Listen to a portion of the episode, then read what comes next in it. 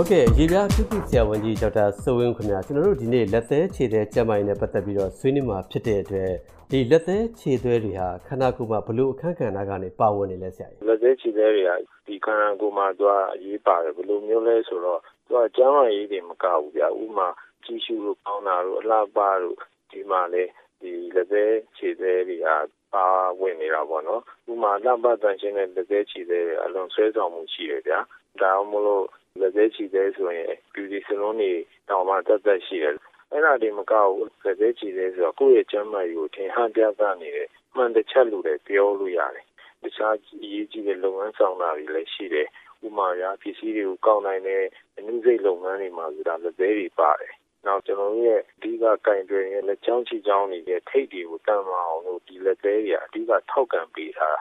မှာစီတာပေါ့နော် ဟိုလက်သေးတွေကဖြုတ်လိုက်မယ်ဆိုရင်လက်ချောင်းချီချောင်းတွေကငကိုလုံးနေတဲ့အလုပ်တွေကိုမလုပ်နိုင်ဘူးလက်သေးချီသေးတွေကထိတ်ဆိုးမှာအမာအနေနဲ့ထောက်ကန်ပေးထားလို့ကျွန်တော်ရဲ့လက်ချောင်းနေရာလိုက်ပြီးတော့အလုပ်လုပ်နိုင်တာဖြစ်ပါတယ်ဟုတ်ကဲ့ဆရာကြီးအဲ့တော့ဒီလက်သေးခြေသေးရဲ့ဒီတိဆောက်ပုံနဲ့သူတို့ရဲ့ပုံမှန်ကြီးထွားပုံလေးကိုရောနည်းနည်းရှင်းပြပေးလို့ရမှာကျွန်တော်တို့ကလက်သေးခြေသေးဆိုပေမဲ့လက်သေးခြေသေးကဒီလက်ချောင်းခြေချောင်းအရည်ပြားဆဲတွေကပဲထွက်လာတာကျွန်တော်တို့အရည်ပြားမှာ keratin ဆိုတဲ့ protein ဓာတ်ရှိတယ် အဲ့ဒီ protein ဓာတ်ကိုနည်းနည်းလေးမအောင်လုပ်လိုက်တဲ့အခါကျရင်လက်သေးခြေသေးဖြစ်သွားတာပဲအဲ့တော့အဲ့လက်သေးခြေသေးတွေမှာပေါ်ကနေကြည့်လိုက်မြင်နေရတဲ့အပိုင်းကိုလေးပလိတ်လို့ခေါ်တယ်ဒါလက်သေးပြင်လို့ခေါ်တာပေါ့နော်အဲ့ဒီလက်သေးပြင်လေးပလိတ်အောက်မှာရှိနေတဲ့လက်သေးအောက်ကရေပြားကိုကျွန်တော်နေပဲလို့ခေါ်တယ်ဒီ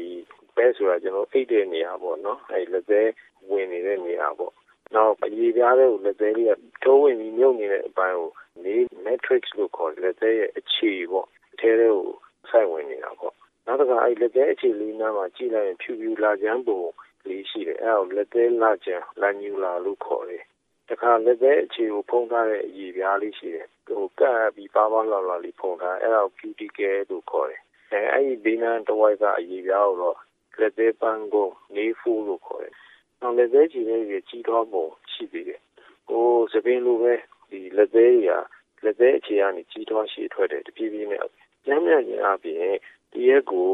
3.1မီလီမီတာလောက် သာရှည်လာတယ်။အဲ့မှာ လက်သေးက ခြေသေးရတဲ့ပိုပြီးရှည်တာမြန်တယ်။နောက် ဆောင်းရာသီတဲ့နွေရာသီမှာ လက်သေးရှည်အပိုမြန်တယ်။နောက် ညာတန်းဆိုရင် ညာဘက်လက်သေးက ဘယ်ဘက်လက်ထက် မြန်မြန်ပိုရှည်တယ်။နောက် ကိုယ်ကုန်ဆောင်ချိန်နဲ့တက်ကြီးပိုင်းအရွယ်ဆိုရင်တော့ ယောက်ျားနဲ့ မိန်းမက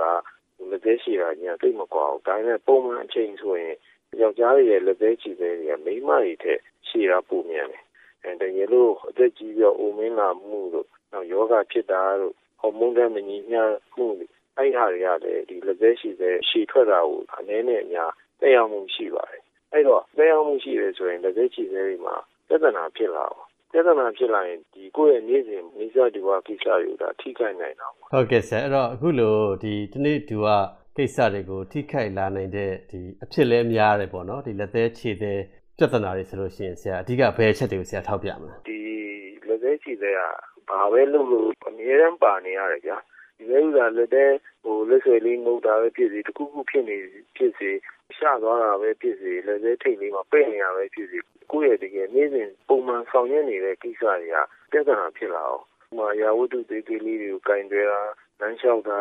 နောက်ထိတွေ့တာစတာတွေအားလုံးအနောက်ရှက်ဖြစ်တယ် ကလေးငယ်တွေမှာ ဖြစ်နေပြီမဲ့အသက်ကြီးလေလေ လက်သေးချီတဲ့ပြဿနာတွေက ပိုဖြစ်များလာတတ်တယ် ဟုတ်ကဲ့ဆရာကြီးအဲ့တော့အဲ့အဖြစ်များတဲ့ဒီလက်သေးချီတဲ့ပြဿနာတွေကိုတစ်ခုချင်းစပြီးတော့ ရှင်းပြပေးပါလား အဲ့ဒီကုခန္ဓာမှာ တည်ရှိနေတဲ့နေရာကြောင့်ဒီလက်သေးချီတဲ့လေးကအလွန်ပဲထိခိုက်တယ် သူကခြေသွားဆို ဘာပဲဖြစ် သူနဲ့အရင်ထိတာပဲ အဲ့မှာတခါလိလာမှု စစ်တမ်းကောက်ယူမှုတွေအရဒီရာပြဿနာတွေအားလုံးရဲ့ဆရာဂိန်လုံးနောက်က လက်သေးချီတဲ့ပြဿနာတွေဖြစ်တယ်ဆိုပြီးတော့ ထွက်လာတယ် ဆိုလိုချင်တာ မနေဘူးပေါ့နော် အဲ့တော့ဒီလိုဒီအိုင်းမှာလည်းဟုတ်တဲ့ချိန်ချိန်မှာလည်းပဲချီထဲမှာတခုခုဖြစ်ခဲ့ဘူးလေဆိုတာလည်းတွေ့တယ်အများစုကတော့သူ့အတူပြန်ကောင်းသွားတယ်အဲတကယ်လို့ပြန်မကောင်းဘူးဒီတဲ့ပူဆိုးလာရင်တော့ကျွမ်းကျင်တဲ့ဒီကိုပြန်အတင်တာပေါ့နော်အဲ့တော့အဓိကလက္ခဏာတွေကတော့လက်သေးချီတဲ့ပုံမှန်ပြောင်းတာဥမာချောနေတာနေတော့နေတာနောက်တစ်ခါအယောင်ပြောင်းတာ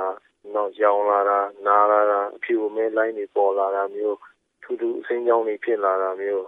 ဒါမှမဟုတ်လည်းအရင်နဲ့မတူပဲတခုခုဖြစ်လာတာမျိုးဒါမျိုးတွေဆိုရင်တော့လက်သေးချီတဲ့မှာတခုခုဖြစ်နေပြီဆိုတော့ရေဝရလက္ခဏာတွေပေါ့နော်အဲ့ဒါမျိုးဆိုရင်တော့ကောင်းဆုံးကတော့ရေပြားပြောင်းနဲ့ပြဿနာတိုင်ပင်တာကောင်းပါလေအဲ့တော့ပထမဆုံးပြောချင်တာကဒါလက်သေးချီတဲ့ပြဿနာတွေထဲမှာဖြစ်များတဲ့ဥစ္စာကတော့ white spot ဆိုခေါ်တဲ့ဒီလက်သေးပွင့်တာပေါ့နော်အဲ့ဒီလက်သေးပွင့်တာကအလုံးအဖြစ်များတယ်ဟိုလက်သေးရဲ့အခြေပေါ့နေဘက်လို့ခေါ်တယ်လက်သေးအုပ်နေတဲ့နေရာကို တန်ဖြစ်လို့ပေါ်လာတာပါအဲ့တော့အပြူဆက်သေးသေးလေးတွေဝိုင်းဝိုင်းလေးတွေအရင်ကတွေ့ရတယ်အဲ့လိုဖြစ်ရင်လည်းတချို့ကစိုးရင်ပြီးတော့လာပြတတ်တယ်ပေါ့နော်ဒါပေမဲ့တကယ်တကယ်တော့ဒီလက်သေးပွင့်နေဆိုတာကတော့စိုးရင်စရာမရှိပါဘူးဟုတ်ကဲ့ဒီလက်သေးပွင့်ခြင်းနဲ့ပတ်သက်ပြီးတော့ကာကွယ်နိုင်တဲ့အနေအထားရှိလားဆရာလက်သေးအခြေပေါ့နော်နေဘက်လို့ခေါ်တယ်အဲ့နေရာတွေကိုဖိမိတာတို့စောင့်မိတာတို့တန်ဖြစ်လို့ဖြစ်တာဆိုတော့ လက်သေးကိုစောင့်မိတာမျိုးလိုမျိုးမဖြစ်အောင်ပြုဆိုင်တော့ဟုတ်ကဲ့ဆရာကြီးနောက်ထပ်ရောဒီအဖြစ်များတဲ့လက်သေးခြေသေးပြဿနာဒုတိယတစ်ခုဖြစ်နိုင်တာကတော့လက်သေးခြေသေးတွေမှာသွေးတွေဥတဲ့အဆင်းတွေပေါ်လာတာပေါ့နော်ဒီ